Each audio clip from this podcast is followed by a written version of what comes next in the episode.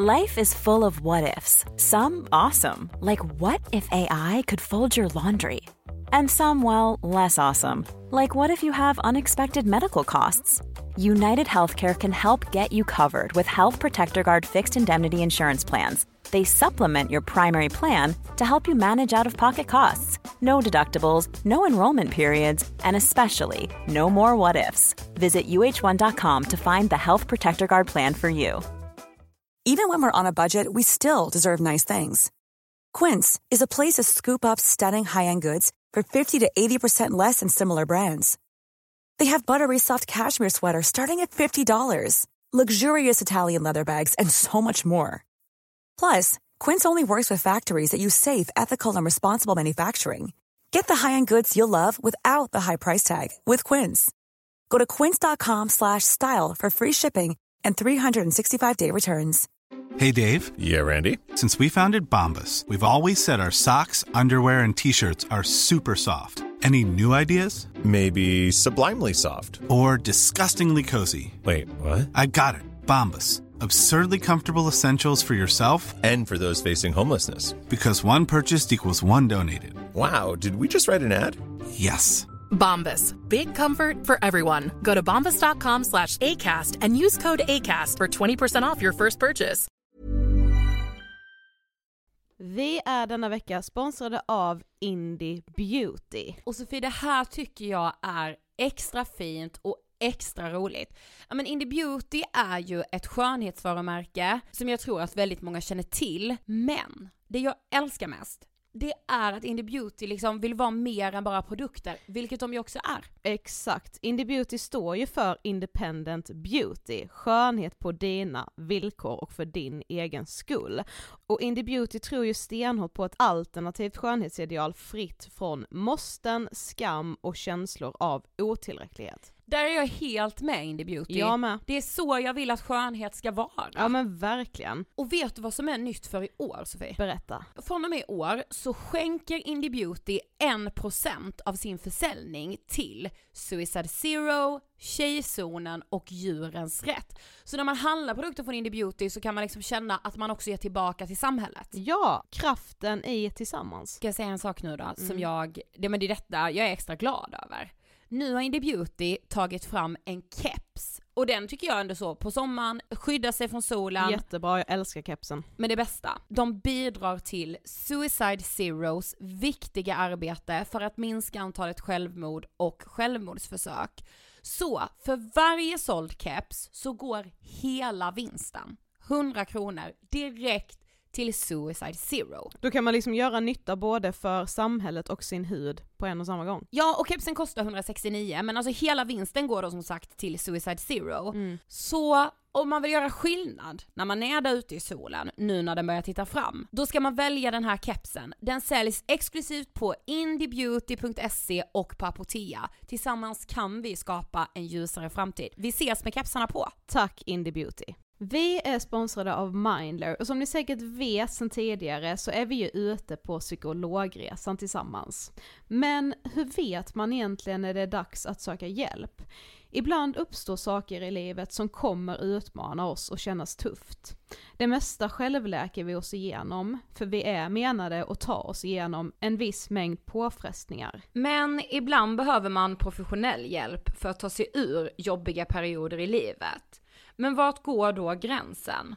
Vad är en del av livets skavighet och när är det läge att söka hjälp?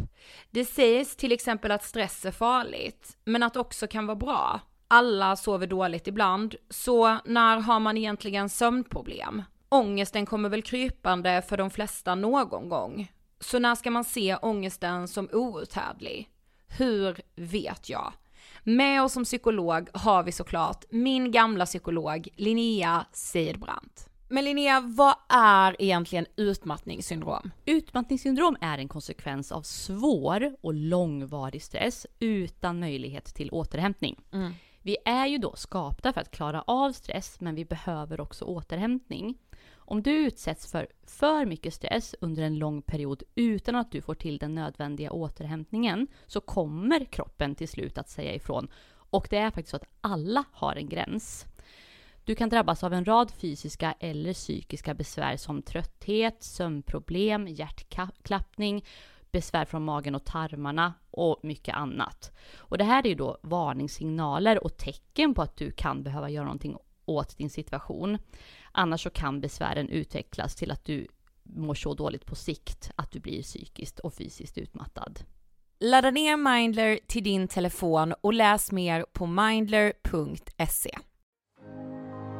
Hej!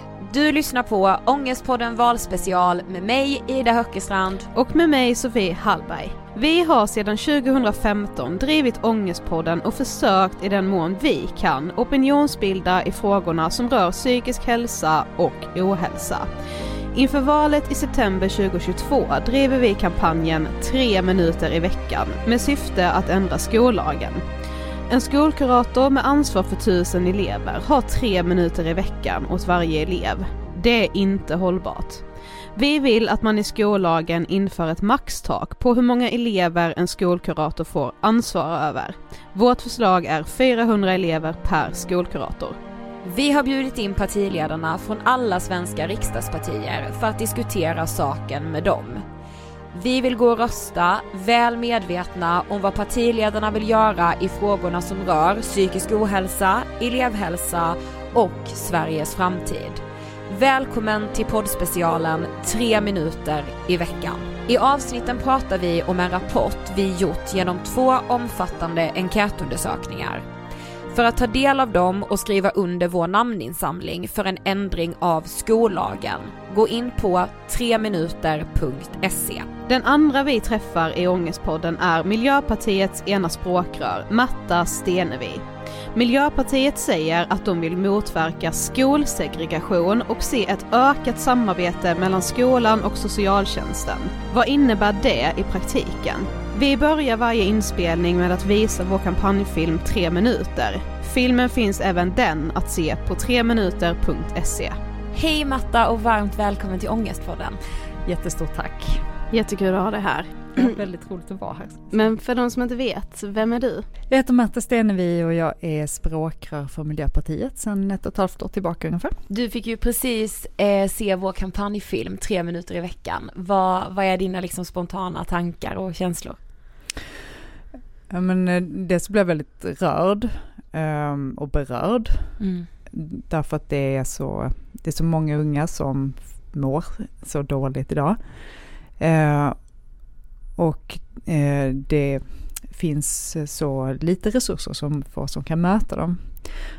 Och sen reagerar jag faktiskt på en sak också, det är ju um, att där är, finns det också en problematik i om man som ung, som eh, då uppenbarligen liksom mår dåligt som den här pojken i filmen gör, är att man behöver gå i behandling i skolan. Mm. Och elevhälsan ska ju kunna fånga upp och arbeta förebyggande. Och sen ska ju samhället också, alltså ska ju sjukvården också kunna möta upp med det man behöver. Mm. Så att det är ju liksom dubbelfel i filmen någonstans, både för lite tid men också faktiskt fel instans. Mm. Mm. Vad tänker du på när du hör ordet ångest? Um, jag tänker på hur uh, kroppen trycks ihop och hur det är svårt att svälja. Ehm, och eh, hur svårt det kan vara att eh, vilja, eh, att kunna gå ut från toaletten. Eh, vi vill först tacka dig och Miljöpartiet för att ni är här för andra valrör valrörelsen i rad ska sägas eh, och vill liksom prata psykisk ohälsa och mm. belysa mm. de här viktiga frågorna. Mm. Eh, men vi tänkte att vi ville börja lite med dig innan vi sätter igång med de frågorna. Eh, för du är född och uppvuxen i Lund. Eh, jag är född i Lund men uppvuxen ah. i Helsingborg. Ja ah, okej, okay. mm. ja men för vi sa ju det för vi är från Blekinge ja. och du är skåning, det är liksom härligt med dialekt. men hur, hur ser du tillbaka på din uppväxt? Eh, ja men kluvet, ja, det var väldigt mycket som var väldigt fint och bra eh, med min uppväxt. Eh, men det var också saker som var svåra och därför jag blev väldigt berörd av, eh, av den här filmen också. Mm. Jag bytte skola och hade, hade det under, i perioder rätt så kämpigt med mig själv och med hur jag skulle hitta en roll mm. i mina sammanhang och så. Så att det här är ju frågor som jag känner eh, kryper rätt så mycket under skinnet eh, på mig. Mm. Men när väcktes liksom ja, men engagemanget för politiken?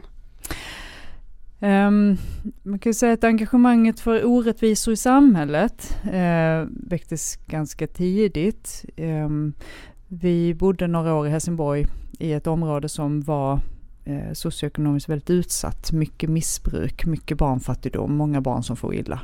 Och sen flyttade vi därifrån efter ett par år till ett område som var väldigt, väldigt välbärgat. Um, och det var väldigt stora kontraster.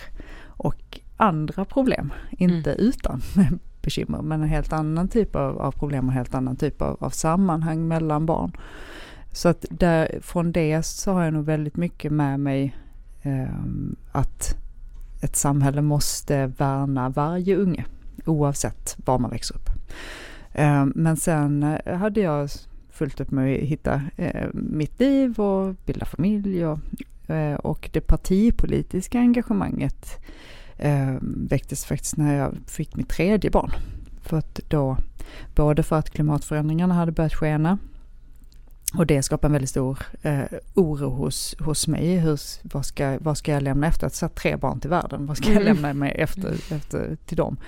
Men också för att när man har små barn och jag hade barn som i perioder behövde in, lite in och ut på sjukhus. Och då blev det igen väldigt tydligt hur olika förutsättningar man har både som förälder och som barn. Mm. Uh, och, och, i det så kände att nu var det dags för mig att sluta bara sitta hemma vid mitt köksbord och med vänner och tycka. Uh, och faktiskt här, nu måste jag också försöka göra någonting, skapa förändring. Jag vill se ett annat samhälle än detta. Eh, men idag så vill ju vi framförallt fokusera på elevhälsan, skolan mm. och unga psykiska mm. hälsa eller psykiska mående. Eh, hur fungerade elevhälsan under din skoltid? Jag satt och eh, funderade på det eh, faktiskt. Um, Eh, och alltså det ärliga svaret är faktiskt att jag inte minns riktigt. Eh, för jag minns mest skolsköterskan. Mm. Eh, men det måste ju ha funnits en skolkurator någonstans. Men jag var aldrig i kontakt med den skolkuratorn egentligen på någon av de skolor jag gick på trots att jag ehm, i perioder hade det rätt kämpigt. Uh, så det är ju en, det i sig är väl en intressant uh, mm. kanske reflektion. Men var du i kontakt med skolsköterskan för att du mådde dåligt?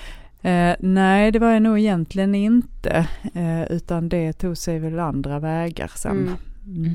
För så var det ju för oss, alltså ah. vi hade ju med bara mm. kontakt med skolsköterskan mm. när vi inte mådde bra. Vi vet, vi vet inte heller vem som nej, var vår skolkurator. Nej, nej, och det är väl lite talande kanske. Ja, ah. verkligen. Mm. Men i skollagen står det ju att varje elev ska ha tillgång till, mm. bland annat skolkurator då och skolsköterska. Vad betyder tillgång till för Miljöpartiet? Eh, under den tid som vi satt i regering så tillsattes ju bland annat en utredning just för att titta på, på det. Eh, och där har man föreslagit vissa gränsvärden eller vissa riktvärden för, eh, för hur många, hur, vilken täthet ska man ha på, mm. På olika funktioner inom, inom elevhälsan, både då skolläkare, skolsköterska men också psykolog och kurator. Och vi tycker att det är, det är nivåer som är bra och som borde också eh, bli mycket mer styrande. Oron som man kan känna bara när man sätter tal på, eh, för jag vet ju att ni har tittat på det också mm. i och med tre minuter och så. Mm. Eh, men det som är jätteviktigt om vi säger till, liksom sätter att ja, men varje, det ska gå en kurator på, säg då 406, det har mm. de föreslagit i, i mm. utredningen, men, men om man säger, det är ju att det får ju aldrig bli ett tak. Mm. Det, får, det får aldrig vara så att vi, alltså det måste vara eh, det är så oerhört viktigt att det då inte blir en ursäkt att inte ha en högre täthet om det behövs. Mm. För att när jag är runt i, i landet och, och, besöker olika områden i Sverige så blir det ju igen då eh, väldigt tydligt hur olika det är i, i, olika områden och hur olika det ser ut på olika skolor. Eh, och det jag tycker är, är så centralt det är att sätter vi eh, liksom tydligare riktlinjer kring eh, personaltätheten. Att det samtidigt aldrig används som ursäkt för att inte ha in ännu mer resurser om mm. det är det som krävs för att varje enskilt barn ska ha rätt. För ja. i grund och botten handlar det ju inte om snittet. Utan det handlar om att varje barn som far illa eller mår dåligt har, har möjlighet att få den hjälp man behöver. Mm. Mm. Så det tror jag är så extremt viktigt att man hela tiden utgår ifrån eh, individ, det individuella barnet. Mm. Men hade, alltså underlättar det ändå inte då om man har ett maxtak att, för just nu är det ju som att det, eftersom det inte finns något tak alls eller ens en rekommendation Mm. så kan man, då har man ju ingenting att skylla Jo, på. absolut. Och jag, jag tror att liksom för planeringsmässigt så är det, är det superviktigt. Mm. Eh, och tror att det verkligen skulle behövas. Men sen måste man då dessutom se Mm. varje individuellt barn. Så att är det då så att man skulle behöva en dubbelt så hög täthet på en skola. De, vi har ju skolor i Sverige där till exempel stor, stor del av barnen har med sig eh, PTSD, de kanske krigserfarenheter med sig, där man har en, liksom svåra socioekonomiska situationer. Vi vet att det spär på den psykiska ohälsan, både Mm. hos barn men kanske också hos deras föräldrar Ja. och deras anhöriga. Men då kanske inte man kan ha en kurator på 400 elever, då kanske man skulle behöva ha en kurator på 200 Ja. elever. Ja. Så att man inte använder det åt fel håll Mm. man inte ser det som en begränsning utan att man hela tiden har fokus på att vi måste ge barnen det de behöver. Eh, och att där ser vi det ju som väldigt viktigt också att staten behöver gå in nu och finansiera skolan i högre utsträckning än idag. För att kommunerna har olika ekonomiska förutsättningar, det är olika dem, demografisk sammansättning i, i kommunerna. Men om vi ska ha jämlikhet för barn, att varje enskilt barn får det de behöver, då kommer hela samhället behöva vara- också Mm. vara med och finansiera det. Ja. Eh, men Miljöpartiet skriver på er hemsida att man måste motverka skolsegregationen. Mm. Eh, vad menar ni med det? Först och främst att varje skola måste vara så bra att alla föräldrar vill ha sina barn där. Mm. Eh, idag har vi en situation där, Eh, där resursstarka föräldrar flyttar sina barn ifrån skolor eh, som man då uppfattar inte är tillräckligt bra. Eh, och så får man eh, en högre koncentration av elever som kanske inte har föräldrar med utbildning eh, eller som har då svårare socioekonomiska förhållanden och det ställer då väldigt mycket högre krav på skolan. Eh, och vi tror ju att det viktigaste viktigaste sättet att komma runt det är att verkligen se till att varje skola får de resurser som krävs för att den ska vara så bra att alla faktiskt vill ha sina barn där. Mm. Eh, då kommer det ju att, en, en del i det eh, menar vi ju också är att man stoppar det här utflödet av pengar ut ur skolan. Eh, det finns jättefina friskolor i Sverige som har fångat upp barn som mår dåligt, eh, som inte hittar sin roll i en ganska stor och ibland rätt fyrkantig kommunal skola. Eh, men friskolor får aldrig bli ett, en marknadsskola. Det får aldrig bli en vinstjakt och vi ser alldeles för många exempel på det idag där man då istället väljer bort barn med, barn med kanske neuropsykiatriska funktionsnedsättningar, eh, där man väljer bort barn med eh, svagare studiebakgrund för att det är mer lönsamt. Eh, och jag tror att ska vi verkligen få en jämlik skola och kunna bryta med skolsegregationen, då måste alla de pengar vi skjuter till i skolan, de ska gå till barns utbildning och aldrig någonsin till börsbolagens utdelning. Utan stopp för vinstjakten i skolan och satsa på att varje skola ska vara så bra att, att barnen får sin bästa utbildning. Där. Mm. Men tycker ni att hela skolan och antar också elevhälsan då ska vara statlig? Nej, eh, jag tror att huvudmannaskapet ska ligga kvar på kommunerna. Ja. Eh, därför att det är så, också så olika förutsättningar och man kan inte ha, man kan ändå inte ha en, en organisation som är så centraliserad att den ska styras från Stockholm i hela landet, utan man behöver ändå ha ett system där man är mycket närmare eleverna. Mm. Eh, Men däremot att finansieringen är mer eh, rättvis och att vi alla hjälper till med den finansieringen. För att har man en liten glesbygdskommun med väldigt hög medelålder till exempel, då har man också väldigt låg skattekraft. Och så är det den då är det liksom det skatteunderlaget som ska finansiera skolan där. Medan man då i kranskommuner i Stockholm har oerhört höga snittinkomster och därmed också oerhört höga skatteintäkter. Och då är det mycket lättare att finansiera skolan, men då blir det väldigt ojämlika förutsättningar. Mm. Så där vill vi ju att, att vi liksom gemensamt allihop är med och, och ser varje barn som vår angelägenhet och som vårt ansvar. Eh, och därför också är med och så liksom jämnar ut de här skillnaderna så att vi kan få en jämlik skola oavsett om man växer upp i en förort eller i en glesbygdskommun eller då i en välbärgad Stockholmskranskommun. Så att Ja. varje barn kan få det de har rätt till. Ja, för tittar man liksom, om man då tittar på elevhälsan idag så är ju den otroligt ojämlik över Ja. landet. Utan det är ju i princip som att man får vara glad om huvudmannen, alltså kommunen Mm. då eller liksom skolans ledning bryr sig om de här frågorna nästan. Eh, alltså hur tänker ni att vi liksom ska få en mer jämlik och ja men egentligen bra elevhälsa över hela landet? Ja, men jag tror de här eh, riktvärdena som vi har pratat om, Mm. hur, hur många eh, skolkuratorer per eh, 100 elever ska man ha, eh, är viktiga för att liksom sätta eh, ramar för kommunerna så att inte det är liksom upp till varje kommun att, att eh, laborera med eh, vilka resurser man lägger. Eh, och sen behöver vi skjuta till de resurserna. Och de behöver ju egentligen skjutas till i, i alla delar, både då i de eh, professioner som jobbar i själva elevhälsan. Men det behövs ju också vuxna runt omkring barnen utanför elevhälsan som har tid och som kan se varje barn Eh, utifrån deras förutsättningar. Och det handlar ju både om i klassrummet och utanför klassrummet. Så att det finns tillräckligt många behöriga lärare för att fånga upp om, om någonting inte fungerar i undervisningen. Men också att det finns fritidspedagoger och skolbibliotekarier och andra vuxna som eh, som också kan fånga upp ett barn som inte har det bra. Så att det inte bara bygger på att barnet ska veta att de ska söka sig till elevhälsan. Utan att det också finns vuxna som kan säga, fast jag märker att du är ledsen, är det någonting du vill prata om eller vill du att vi ska, ska vi kanske gå bort och boka en tid hos kuratorn eller liksom att man kan slussa in. Men då krävs det ju att det finns engagerade, Mm. omtänksamma vuxna utanför som, som kan säga detta. Men vissa partier som vi har träffat eh, tycker att ansvaret för just elevhälsan ska ligga på regionerna, alltså att det ska gå inom sjukvården istället för på skolan. Eh, vad anser Miljöpartiet om det? Vi tycker elevhälsan ska ligga på skolan men ha ett väldigt, väldigt nära samarbete med eh, sjukvården.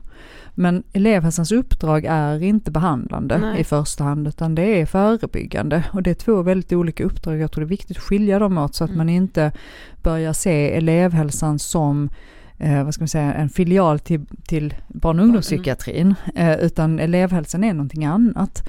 Eh, och den uppgiften är väldigt, väldigt viktig. Däremot så behöver man ju ha ett extremt nära samarbete med andra instanser. Och det handlar ju dels om BUP såklart, men eh, barn och ungdomspsykiatrin är specialistsjukvård.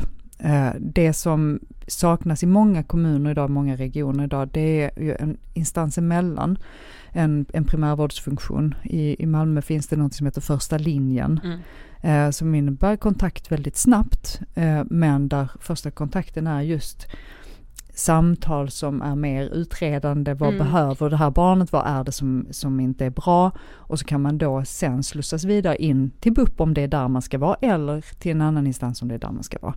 Ehm, och det, jag tror att den, de funktionerna är väldigt viktiga för annars är risken att man fastnar i de här långa köerna till BUP eller att vi försöker göra elevhälsan till en behandlande instans, vilket skulle äta väldigt mycket resurser och också ta fokus tror jag från det oerhört viktiga hälsofrämjande och liksom ohälsoförebyggande arbetet. Mm. Ja, för många skolkuratorer som vi har träffat under det här halvåret, eh, men de, de säger just att jag ska jobba förebyggande men jag måste jobba behandlande för ja. det är alldeles för lång kö till barn och ungdomspsykiatrin och första linjen funkar liksom inte. Mm. Eh, och det är ju enormt problematiskt också skolkuratorernas liksom arbetssituation. Verkligen. Mm. Verkligen, och det i sin tur riskerar ju då att väldigt många barn inte får hjälp. Ja. Mm. Eh, för, att det, för att det blir fokus på i fel ändå, att man då inte har någon att slussa vidare till. Eh, och jag möter ju också den bilden Mm. eh, väldigt mycket. Och vi har ju pratat mycket om och liksom försökt satsa mycket på köfri BUP. Men för att kunna klara det så krävs det ju just då att det finns en primärvårdsfunktion innan. För det finns ju också en, en väldigt allvarlig konsekvens av de här när det inte systemet fungerar. Det är också att när väntetiderna blir så långa att man faktiskt hinner bli så dålig att man behöver BUP. Exakt. För att i den bästa av världar så ska ju elevhälsan kunna fånga upp barn väldigt tidigt Mm. och slussa till primärvården så att man kan få hjälp innan man är så dålig att man behöver BUP. Eh, sen finns det ju, liksom, sen finns det ju, kan det ju finnas anledning att man behöver en utredning, eh, att, man, att man behöver en annan typ av specialistvård såklart. Men just liksom, det vad ska jag säga, livsmåendet, eh, att det kan fångas upp tidigare så att det inte det går så långt att man, att man mår så dåligt att man inte står ut längre. Nej, precis. Mm. Eh, vi läste också på er hemsida om något ni kallar elevvården med ett centralt anställt elevhälsoteam. Eh, vad menas med det? Ja men att man kan centrera, att man kan centrera eh, resurser kring, eh, kring vården kring elever men då i samarbete med, eh, med regionerna. Så att elevhälsan kan eh, att elevhälsan har det förebyggande och det närmaste eh, arbetet eh, kring att fånga upp och, och, hitta och möta eleverna där de är. Men att man sen har den här nära kontakten och då kanske ett, ett team som är speci specialiserat på att mm. möta då eh, eleverna och utifrån den problematiken. Men ni vill ju också, du har varit inne lite på det här, men se ett starkt samarbete mellan just mm. skolan mm. och socialtjänsten. Vad innebär det? Men socialtjänsten är ju ibland och delvis en annan, kan vara en annan typ av problematik. Mm. Eh, det kan ju naturligtvis handla om hur man mår och inte minst ifall måendet är kopplat till vad man har för situation hemma. Eh, om man har ett, ett, ett eh, psykisk, en psykisk ohälsa som är kopplad kanske till att man lever i en hedersförtryckande kultur eller struktur hemma.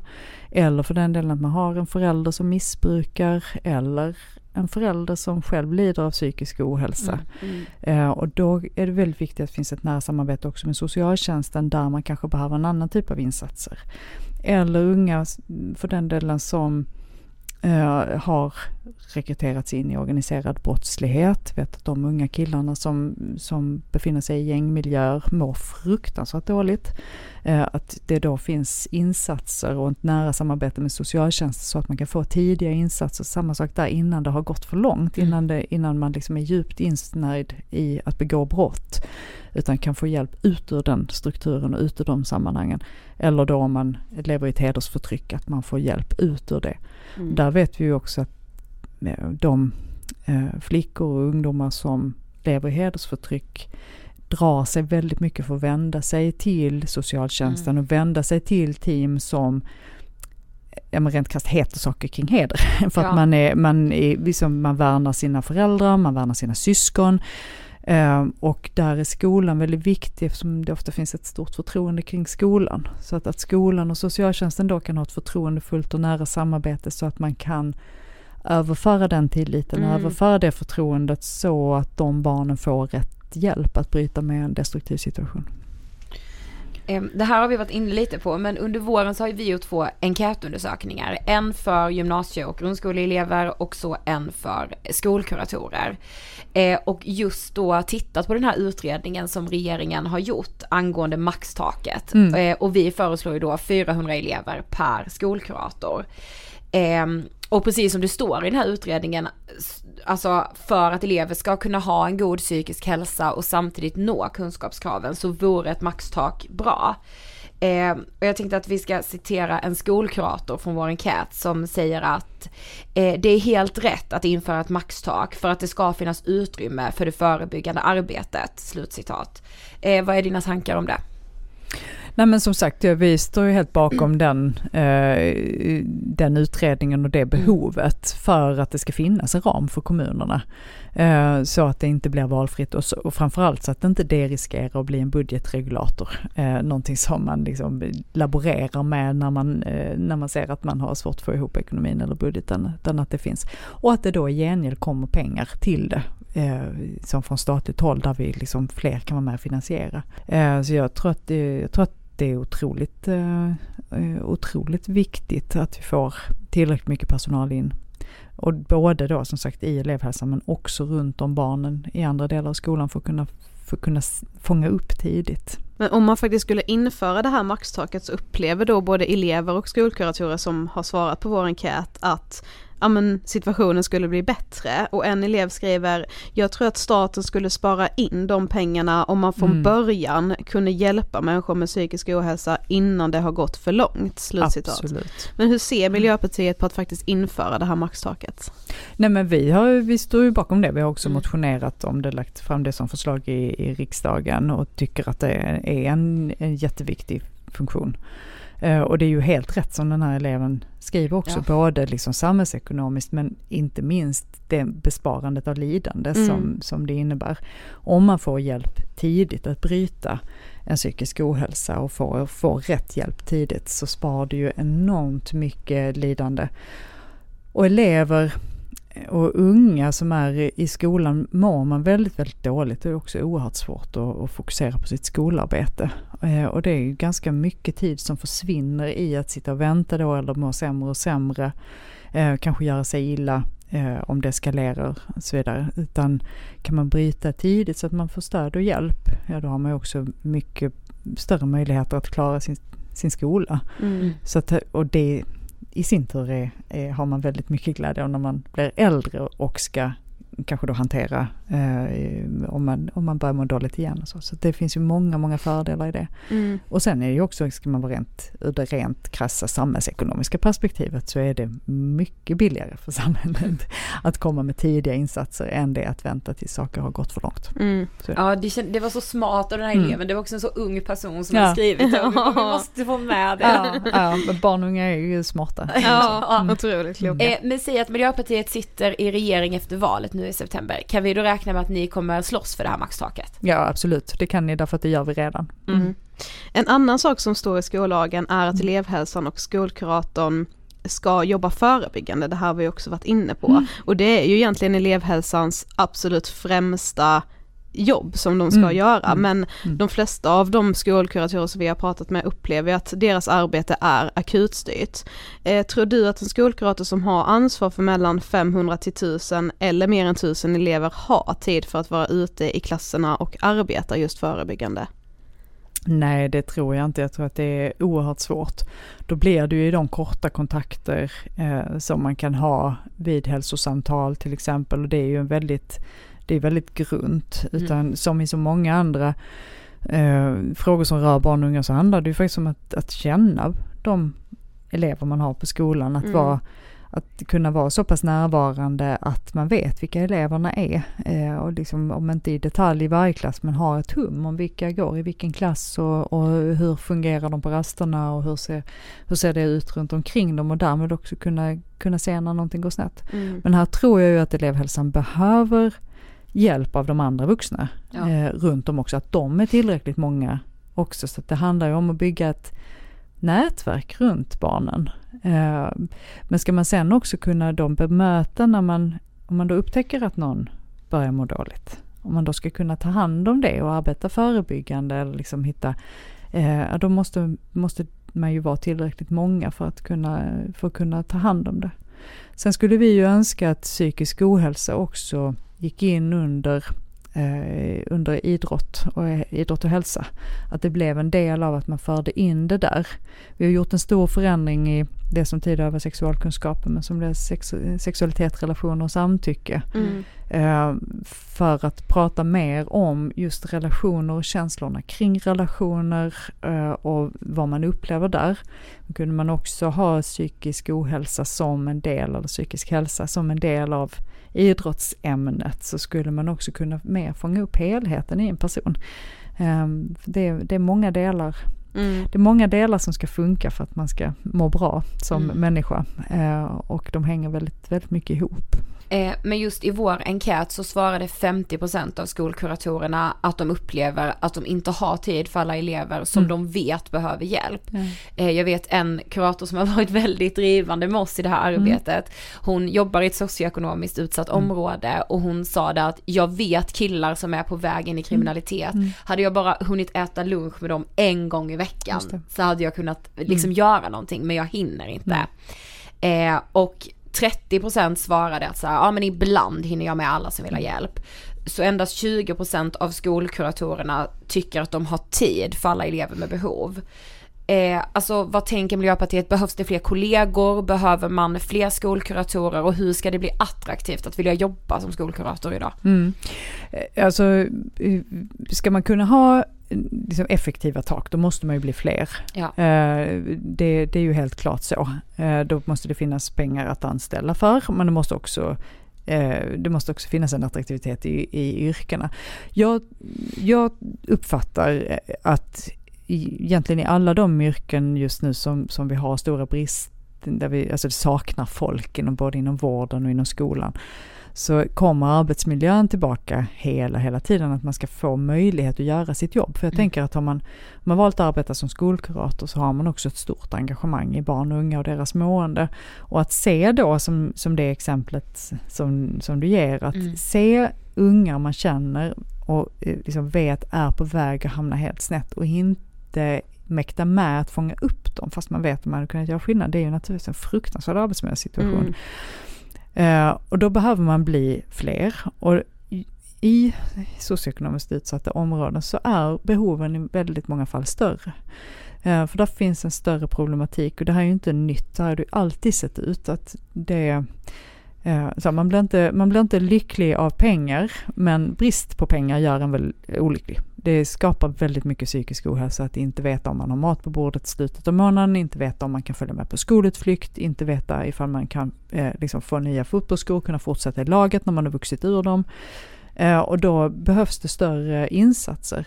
Och då kan man inte ha samma man kan, inte, man kan inte tänka att det ska, samma ska funka för alla, eh, utan vi måste anpassa resurserna utifrån vad barnen behöver, så att samhället kompenserar för de barn som inte har samma förutsättningar med sig hemifrån. Eh, och då, nu har vi pratat om ett jämlikhetskliv. Mm. eh, att helt enkelt skjuta till rejält mycket mer resurser in i det som kallas för ett likvärdighetsbidrag, det vill säga att skjuta till extra resurser till just skolor eh, i socioekonomiskt utsatta områden, eller som vi har brukat börjat säga, politiskt eftersatta områden, för att det här är liksom i grund och botten konsekvenser av val som politiken har gjort. När man väljer att inte se varje barn som individer, utan när man väljer att prata om vi och dem, när man väljer att gruppera barn, när man väljer att liksom tro att alla, om alla bara anstränger sig lite mer så har alla egentligen samma förutsättningar. Jag tycker att det är en, en fruktansvärd syn på människor och på barn. Och det skapar jättestor problematik. Jag skulle ju aldrig behandla mina barn på det sättet. Jag har fem barn hemma, mm. tre egna och två bonus. De är fem helt olika individer. Om vi skulle säga att ja, men, ni ska alla bli bemötta på exakt samma sätt och vi ska lägga vid varje givet tillfälle exakt samma resurser på er, ja men det skulle ju inte fungera. I perioder så är det ett barn som behöver mer och då behöver det barnet få det. I en annan period är det ett annat barn som behöver mer, då behöver det barnet få det. Så måste vi se på skolan och från samhällets sida också, att de barn som behöver mest stöd måste få det. Eh, och då måste vi vara beredda att skjuta till de resurserna. För då blev det ett långt resonemang. Men då tror jag också att det blir väldigt mycket roligare att arbeta och väldigt mycket mer attraktivt arbete när man får känna att det finns resurser för att göra den nytta man en gång utbildade sig för att få lov att göra. Mm. Eh, så att man kan få gå in då och bryta ett destruktivt beteende eller bryta ett mående som man ser är på väg ut för. Eh, och hitta de här sätten att också börja, förutom att då släcka bränder, att också få börja arbeta förebyggande och stärkande. Det var, eh, var eh, ett, civilsamhällesorganisation jag träffade som sa något väldigt klokt och det var att nu pratar vi i politiken mycket om akut och förebyggande. Mm. Eh, men de vill egentligen prata om främjande. För de sa att när vi pratar om förebyggande då har vi redan sett ett problem mm. och försöker hejda det. Uh -huh. Men hur, hur främjar vi, alltså hur stärker vi mm. barn och unga så att vi inte ens behöver förebygga? Mm. Jag tycker att det är en jätteklok tankemodell, att vi behöver arbeta främjande och det är ju för elevhälsan en jätteviktig roll. Hur arbetar vi främjande med barn och unga så att de är starka och stabila och välmående eh, liksom, så att vi inte behöver förebygga. Om du får välja en åtgärd för att öka den psykiska hälsan bland barn och unga idag, vad skulle det vara då? Fler vuxna runt barnen. Mm. Både i elevhälsan och eh, på skolgården och i klassrummen. Uh, för att jag tror, uh, jag tror, it takes a village. Uh, det, det, behövs nätverk av starka vuxna kring barn för att de ska få möjlighet att växa upp trygga och starka och ta vara på sin potential. Eh, liksom med alla sina styrkor, sina svagheter, sina svårigheter och sina liksom, superkrafter. Eh, men då måste det finnas tillräckligt många för att hinna se barnet som mm. det är. Så att ska vi, ska vi kunna bemöta varje barn som sin unika, fantastiska, otroliga individ så krävs det tillräckligt många vuxna för att hinna det. Så mer resurser till skolan, fler kollegor in i skolan, det tror jag är helt centralt. Det finns ingen väg runt det heller. Eh, det finns liksom ingen quick fix som gör att vi slipper det eller liksom kan komma runt det behovet utan det behövs fler vuxna in i skolan. Avslutningsvis så har vi lite snabbfrågor som Mm. alla partiledare har fått svara på. Eh, och du får hålla dig kort, du får försöka. Jag ska, jag ska kämpa. Okej, den första. Eh, öppna era hjärtan eller stäng gränsen. Öppna hjärtan. Friskolor, ja eller nej? Nej. Ja, eh, förlåt, vinstdrivande friskolor nej, men idéburna friskolor ja. Vi vill inte ha marknadsskola, men däremot så ser vi eh, ett oerhört stor vikt i de idéburna, icke vinstdrivande friskolorna. Så ska jag vara noga med att skilja på det. Mm. Mm. Eh, betyg redan från lågstadiet eller från högstadiet? Högstadiet. Det är inte, inte värdigt. Vi ser så mycket problematik kring när barn redan i, i mellanstadiet börjar ha ont i magen över betygen och det gör inte att man lär sig mer. Eh, prata med alla partier eller bara med vissa utvalda?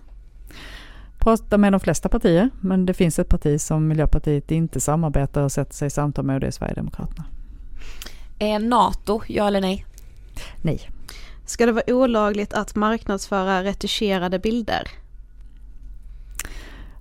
Oj, det var en svår fråga. Alla har sagt att den är svår. Ja. Den är svår därför att retuscherade bilder kan vara väldigt, väldigt mycket. Mm. Eh, Det kan vara att någon har liksom fixat att jag har lite skitiga skor för att det ser Mm. bättre ut på bilden. Eh, Eller så kan det vara att man har liksom retuscherat bort revben och skapar helt omöjliga kroppsideal. Mm. Eh, Och det, det sistnämnda skapar en väldig ohälsa. Men det gör också de bilder där man har hårdvinklat, eh, om jag håller kameran i den här vinkeln så kommer det se ut som att jag egentligen är en tredjedel så bred Mm. som jag är. Eh, och den, så den här är ganska svår. Jag tror att vi behöver ett samhälle som för samtalet om hur ser människor ut och hur och, för, och framförallt liksom, var ligger vårt värde? Mm. Är det i den perfekta Instagrambilden? Är det det enda som gäller om man är tjej? Men Det här var illa nog när jag växte upp och jag slapp sociala medier. Men är det, är det liksom där i vårt värde ligger att vi kan ta plut, plutmuns sexiga bilder på Instagram eller är det kanske så att vi ska vara, få lov att vara mer än så? Mm. För Norge har ju infört den här märkningen, att man måste märka om man har retuscherat en bild i marknadsföringssyfte tror Mm. jag. Mm. Eh, jag vet inte. Det, det kan absolut finnas en, en poäng i det också för att öka medvetenheten för hur stora skillnader det faktiskt, eh, det faktiskt är och Mm. hur många bilder som faktiskt är manipulerade. Mm. Ja. Eh, ska det vara dyrare att köra bil, ja eller nej? Eh, ja, framförallt så ska det inte vara billigare med bensin. Eh, det kan gärna vara billigt att köra bil, men då på el som Mm. inte orsakar utsläpp.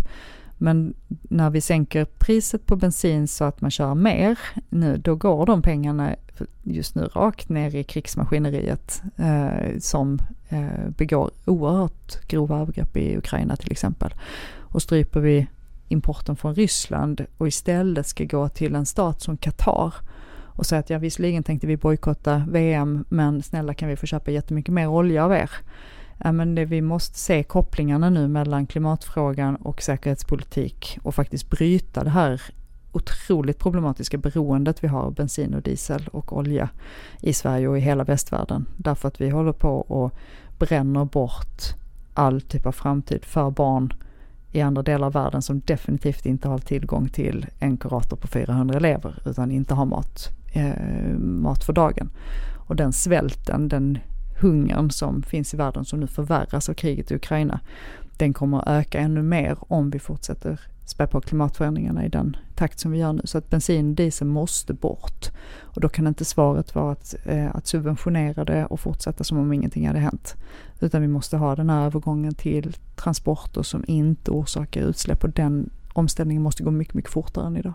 Eh, vem blir statsminister i september 2022? Så vi vet vem vi ska lämna över vår kampanj till. ja, just det, precis. Eh, ja, jag, eh, jag räknar kallt med att det blir Magdalena Andersson och inte Ulf Kristersson. För skulle vi få Ulf Kristersson då får vi i praktiken också Jimmy Åkesson. Och eh, den synen på barn och den synen på unga som han ger uttryck för i varenda partiledardebatt där det inte spelar någon roll hur duktig man är, det spelar ingen roll hur mycket man anstränger sig, hur hårt man arbetar. Kommer man från ett visst ställe, har man en viss hudfärg, då är man alltid stämplad som islamist och gängkriminell. Det är inte ett sätt för barn att växa upp på. Och så kan vi inte ha, så vill inte jag att vårt samhälle ska se ut. Jag vill att vi ska se på och tro på varenda unge som växer upp i det här landet. Tusen tack Natta för att du ville komma till Ångestpodden. Tack så mycket. Tack.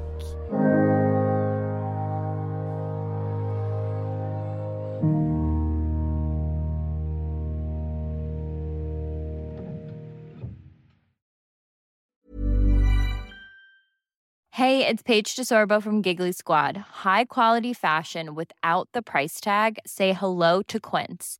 I'm snagging high-end essentials like cozy cashmere sweaters, sleek leather jackets, fine jewelry, and so much more. With Quince being 50 to 80% less than similar brands.